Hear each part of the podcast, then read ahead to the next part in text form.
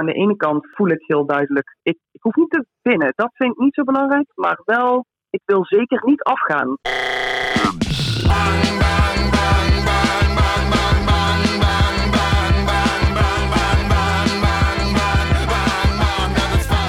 Hallo en welkom bij aflevering 8. Als je al eerder hebt geluisterd, dan weet je vast nog wel dat faalkunde onder andere is geïnspireerd op improvisatietheater. Vandaag heb ik aan de telefoon Cindy Pittens en zij heeft als beroep improvisatietheater. Ze speelt het, geeft daar les in en gebruikt het als tool voor haar trainingen persoonlijk leiderschap.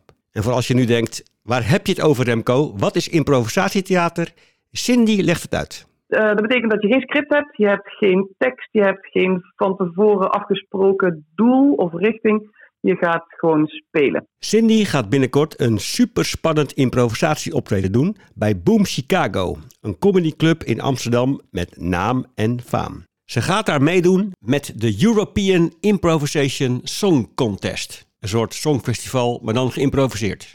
In deze aflevering praat ik eerst met Cindy over de aanloop naar deze contest wat daar faalkundig zo spannend aan is.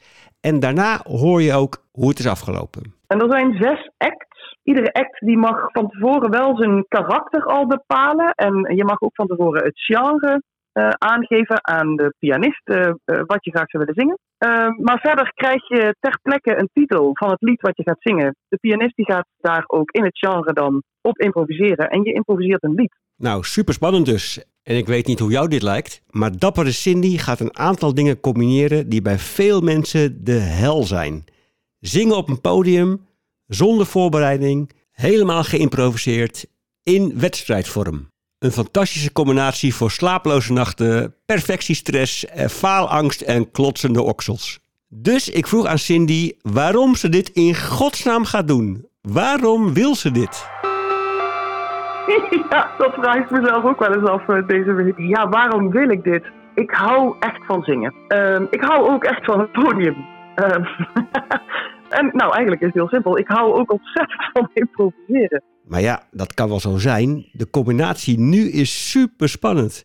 Het is natuurlijk doodeng, ook al houdt ze ervan, om al die beoordelende ogen op haar gericht te hebben. Cindy vertelde dat het toch ook heel bevrijdend kan voelen. Het is echt heel bevrijdend om te durven gaan zonder precies te weten waar je uitkomt.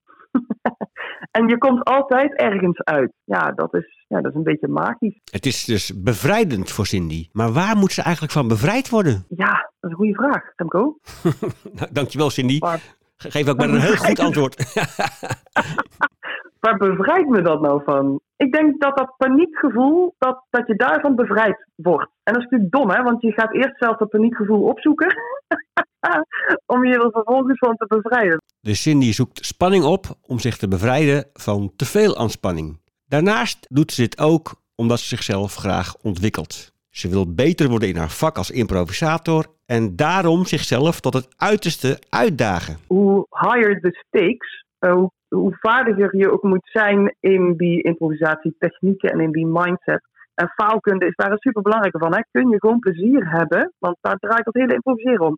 Kun je plezier hebben, ook al is het verschrikkelijk spannend. Ja, er is een wedstrijdelement, uh, maar mag het nog steeds om het lolletje gaan. Improviseren is 80% van de tijd gaat het niet lekker zoals je het wilt. Hè? Dus je traint ook je skill in het verdragen van non-perfectie. Ik vind dat interessant en er is maar één manier om dat te leren en dat is het meemaken. Dus eigenlijk wil ze haar faalspieren trainen. En het spanningsveld is dat ze dit gaat doen op een plek waar het lijkt te gaan over presteren. En dit is natuurlijk voor veel mensen een alledaags faalkundig spanningsveld. Je wilt fouten maken om te leren, maar je wilt ook presteren. Dat is precies uh, de strijd nu dat je dus aan de ene kant voel ik heel duidelijk, ik, ik hoef niet te winnen. Dat vind ik niet zo belangrijk, maar wel, ik wil zeker niet afgaan.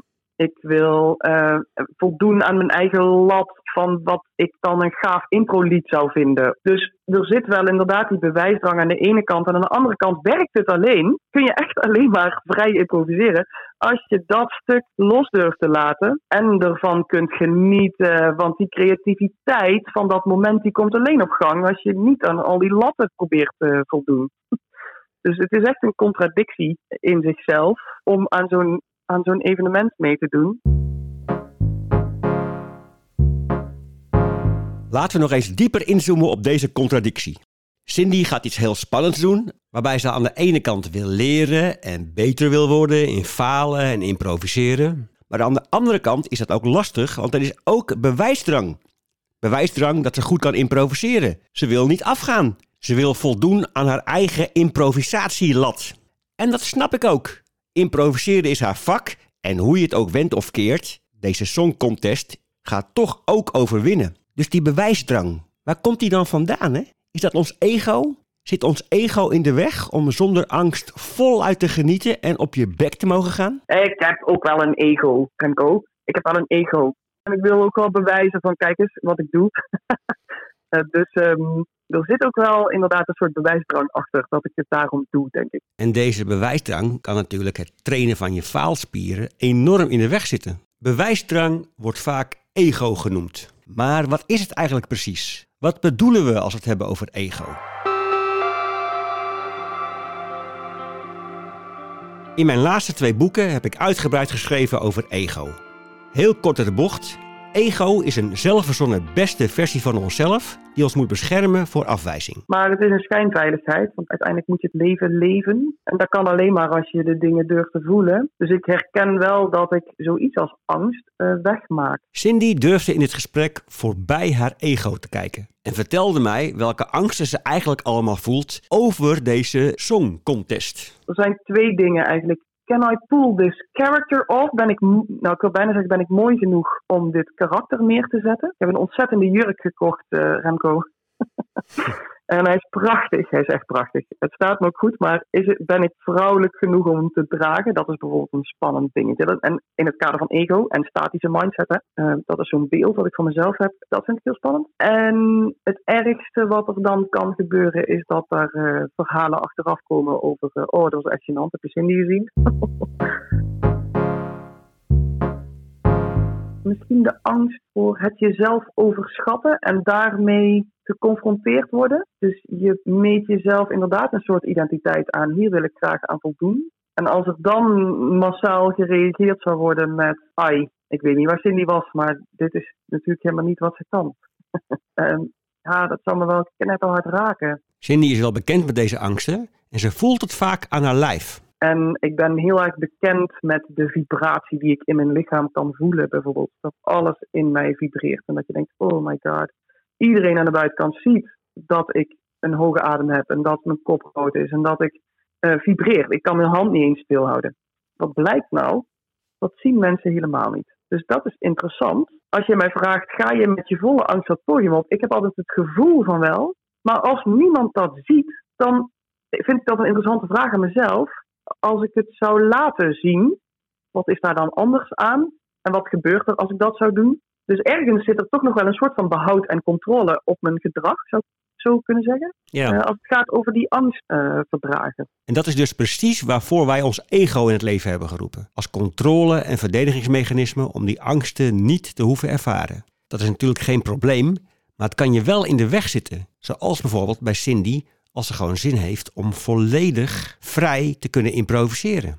De oplossing is eigenlijk dan om je ego een beetje aan de kant te schuiven en ruimte te maken om met al je spanningen en angsten op het podium te gaan staan. Ze niet meer hoeven te controleren of te vermijden. Nou, ik kan wel eens kijken hoe ver ik dat kan oprekken. Ik vind het wel een interessant experiment, uh, Remco. Kan ik, want ik heb het, ik, ik zou kunnen zeggen dat ik me redelijk bewust ben van die sensaties, maar kan ik dat nog verder oprekken? Kan ik daar echt even in zijn? Dat is, nou, dat vind ik wel interessant. Uh, uitdaging. Ja. Dus als je je hand voelt trillen, dan kan je denken, oh ja, zo, zo meteen ziet men dat. Dus eigenlijk is dat een beetje de angst weg willen hebben, want mensen mogen niet zien dat je bang bent misschien. En eigenlijk kan je dat omkeren door er juist heel nieuwsgierig naar te zijn. Van wauw, wat interessant zeg. mijn, mijn, hand is, ja, ja, ja. mijn hand is aan het trillen. En, uh, wauw, ja wauw, wat een spanning. Moet je kijken man, James, ja. en gaaf hè, dat je, je, je lijf is gewoon aan het trillen. Dat is een, een, een geweldige sensatie misschien wel. Gewoon. Precies, ja. Dan wens ik je onwijs veel succes en ik spreek je gewoon daarna.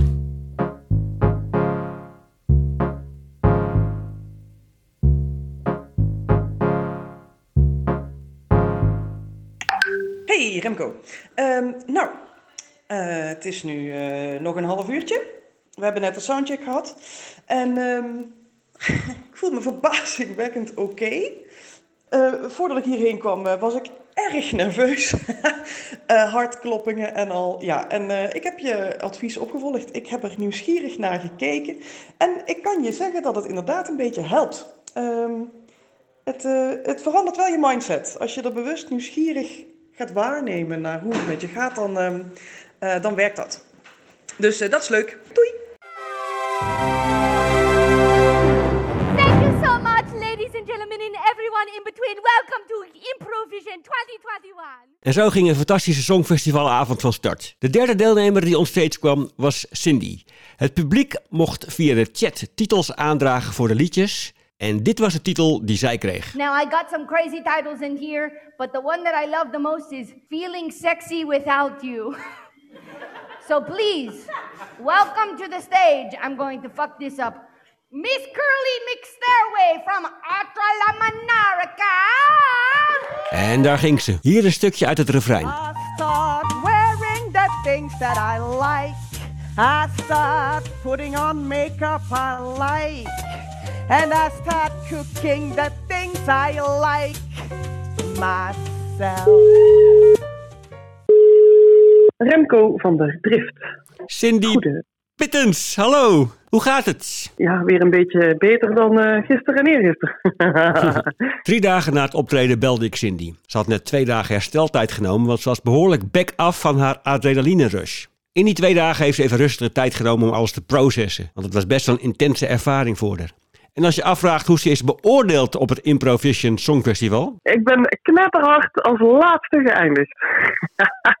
en Cindy vertelde dat ze er dubbele gevoelens over heeft. Het voelde niet zo fijn. Ik voelde me een beetje ongemakkelijk en ongezien. Dat ze verloren had, maakte haar niet zoveel uit. Wat wel lastig was, was dat ze de avond ervaarde als een inkrautfeestje. Waar ze zich niet zo thuis voelde. Ik was daar eigenlijk de enige, denk ik, die geen enkele banden met Boom Chicago had. En dit niet gezien worden door de overige deelnemers maakte haar een beetje onzeker. Het is een beetje gek. Ik hoopte ergens wel gewaardeerd te worden. Ik had mijn best ervoor gedaan. En ik vond zelf eigenlijk dat het best oké was. Maar dus ergens hoop ik wel op een soort bevestiging. Die blijft dan uit. Ik heb op dat moment gekozen om de focus te verleggen naar uh, van mijn eigen. Ach, ik had me wel gezien willen voelen naar. Hé, kijk eens wat een uh, gave act er nu door zijn. En het was ook lollig. Supermenselijk dit. Het ego wil ons beschermen voor een rotgevoel. En heeft er allerlei slimme strategieën voor. Ik vroeg Cindy of ze dit herkende. Absoluut. ja, dat is zeker wat er gebeurde. En wat was het dan precies? Hè? Welk gevoel mocht er eigenlijk helemaal niet zijn van het ego? Ja, ik denk dat eenzaamheid wel het grootste gevoel is wat ik daarmee wilde oplossen. Ik wilde de verbinding niet verliezen met anderen daardoor. Dus koos ik er ook voor om uh, gewoon ook wel op het plezier van de anderen te richten. Het is op zich natuurlijk prima dat ons ego ons wil beschermen tegen lastige gevoelens zoals eenzaamheid. Maar je kunt je wel meer vrij voelen als je ook ruimte kunt geven. Als die eenzaamheid er mag zijn. Ik heb me eigenlijk vanaf het moment dat ik binnenstapte niet meer zo druk gemaakt over die act. Ik heb me vooral heel onzeker gevoeld in die club. Dus waar ik de focus van tevoren heel erg op had, op zing ik goed genoeg? Nou ja, en ben ik, ben ik dan mooi genoeg inderdaad. En daar, toen ik daar eenmaal was, voelde ik me vooral onzeker de show, de contest, was helemaal niet meer zo belangrijk eigenlijk die avond. Het ging helemaal niet meer over winnen. De hele situatie bracht bij Cindy een soort innerlijke reis op gang. Ik heb een avontuur meegemaakt wat een innerlijke feesten op gang heeft gezet, die niet eens per se zoveel met het avontuur zelf te maken had.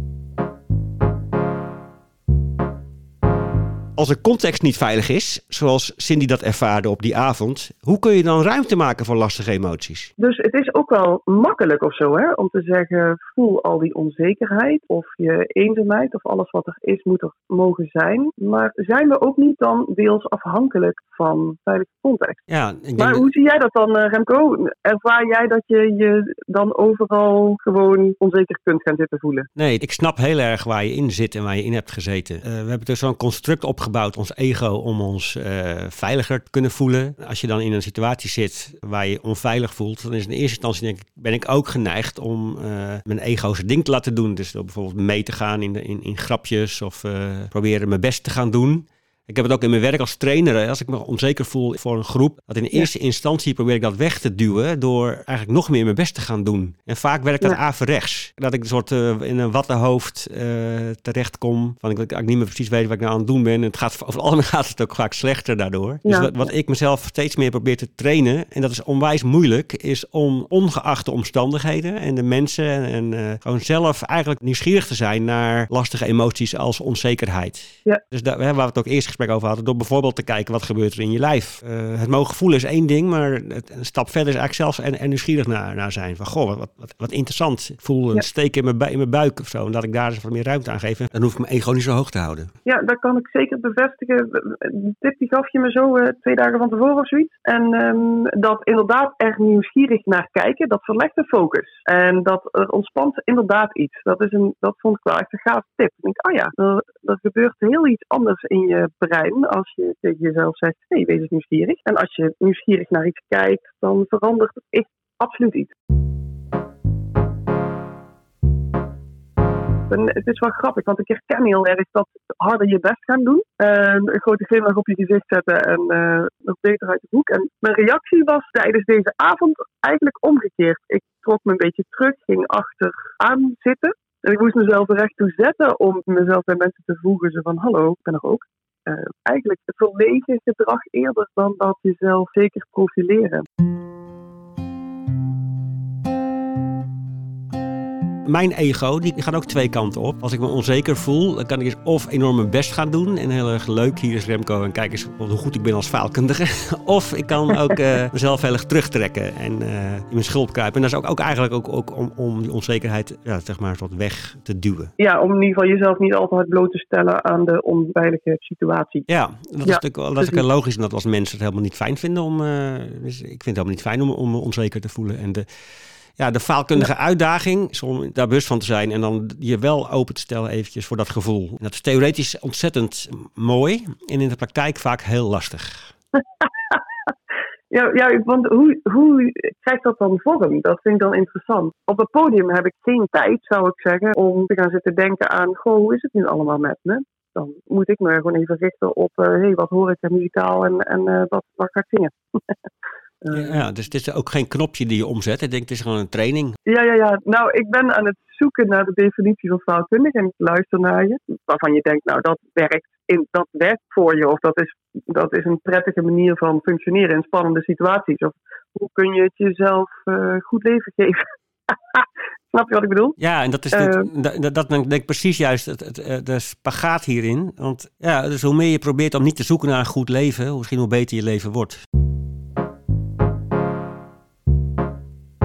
We zijn zo aan het zoeken naar oplossingen om het leven makkelijker of draaglijker of effectiever of fijner. Nou, geef het maar een naam te maken.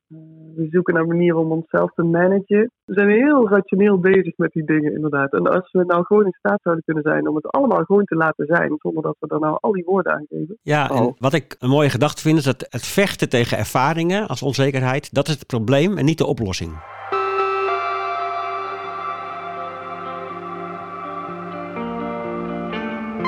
Mooi om jezelf te trainen in het stoppen met vechten. Ja, echt 100% gaan voor wat is. Nou, en dat is op dat persoonlijk-sociale vlak. En ik heb het gevoel dat ik daar oud leed heb op te lossen. Er zit oud zeer op, misschien ook wel op een oud pestverleden, op mezelf sociaal veilig voelen. Ik denk dat daar nog wel iets voor mij te halen is. Zodat ik daar meer ontspanning in kan vinden. En dat de veiligheid meer in mij zit dan dat ik hem nodig heb van een context. Nou, wat mooi zeg. En wat, wat ben je moedig met al deze processen. Eh, ik vind het ook fijn. Een fijn gesprek. Zo. Dankjewel Cindy. Graag gedaan, Remco.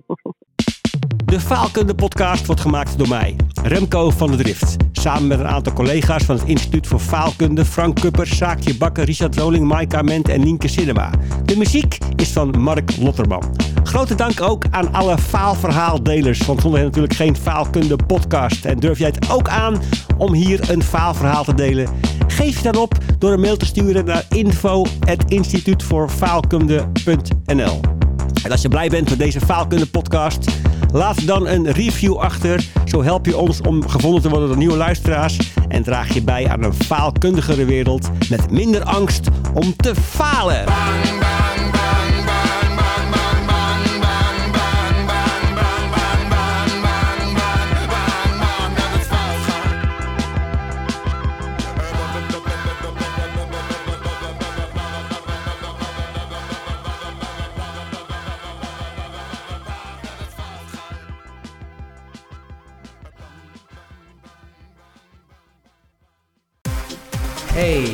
Welcome to the Eurovision Improv Festival. And Neil, can I have your votes, please? Ja, dankjewel. Uh, Cindy, echt fantastisch personage neergezet. Uh, die jurk, wauw. Is uitstraling 10 punten. Appearance 8 points. Apparence 6 points. Ja, de zang vervolgens, ja, die vonden we echt goed. Voor een actrice dan. Dus daar krijg je voor 8 punten. Voice technique 8 points. Techniek vocale 8 points. Improvisatie. Daar hebben we even een second opinion gevraagd bij jouw eigen kritische stemmetje. En die vond dat het wat beter kon. Dus voor je improvisatietechniek 7 punten. Improv skills 7 points. Compétence d'improvisation 7 points. Ja, en tot slot, ja, ja, de ervaring was echt wel anders dan je had gehoopt, Cindy. Dus ik vond het echt knap hoe je hiermee omgaat. Dus niet per se het op willen lossen, maar het er gewoon laten zijn. Dus daarom voor faalkunde 12 punten. Failure ability 12 points. Courage du collage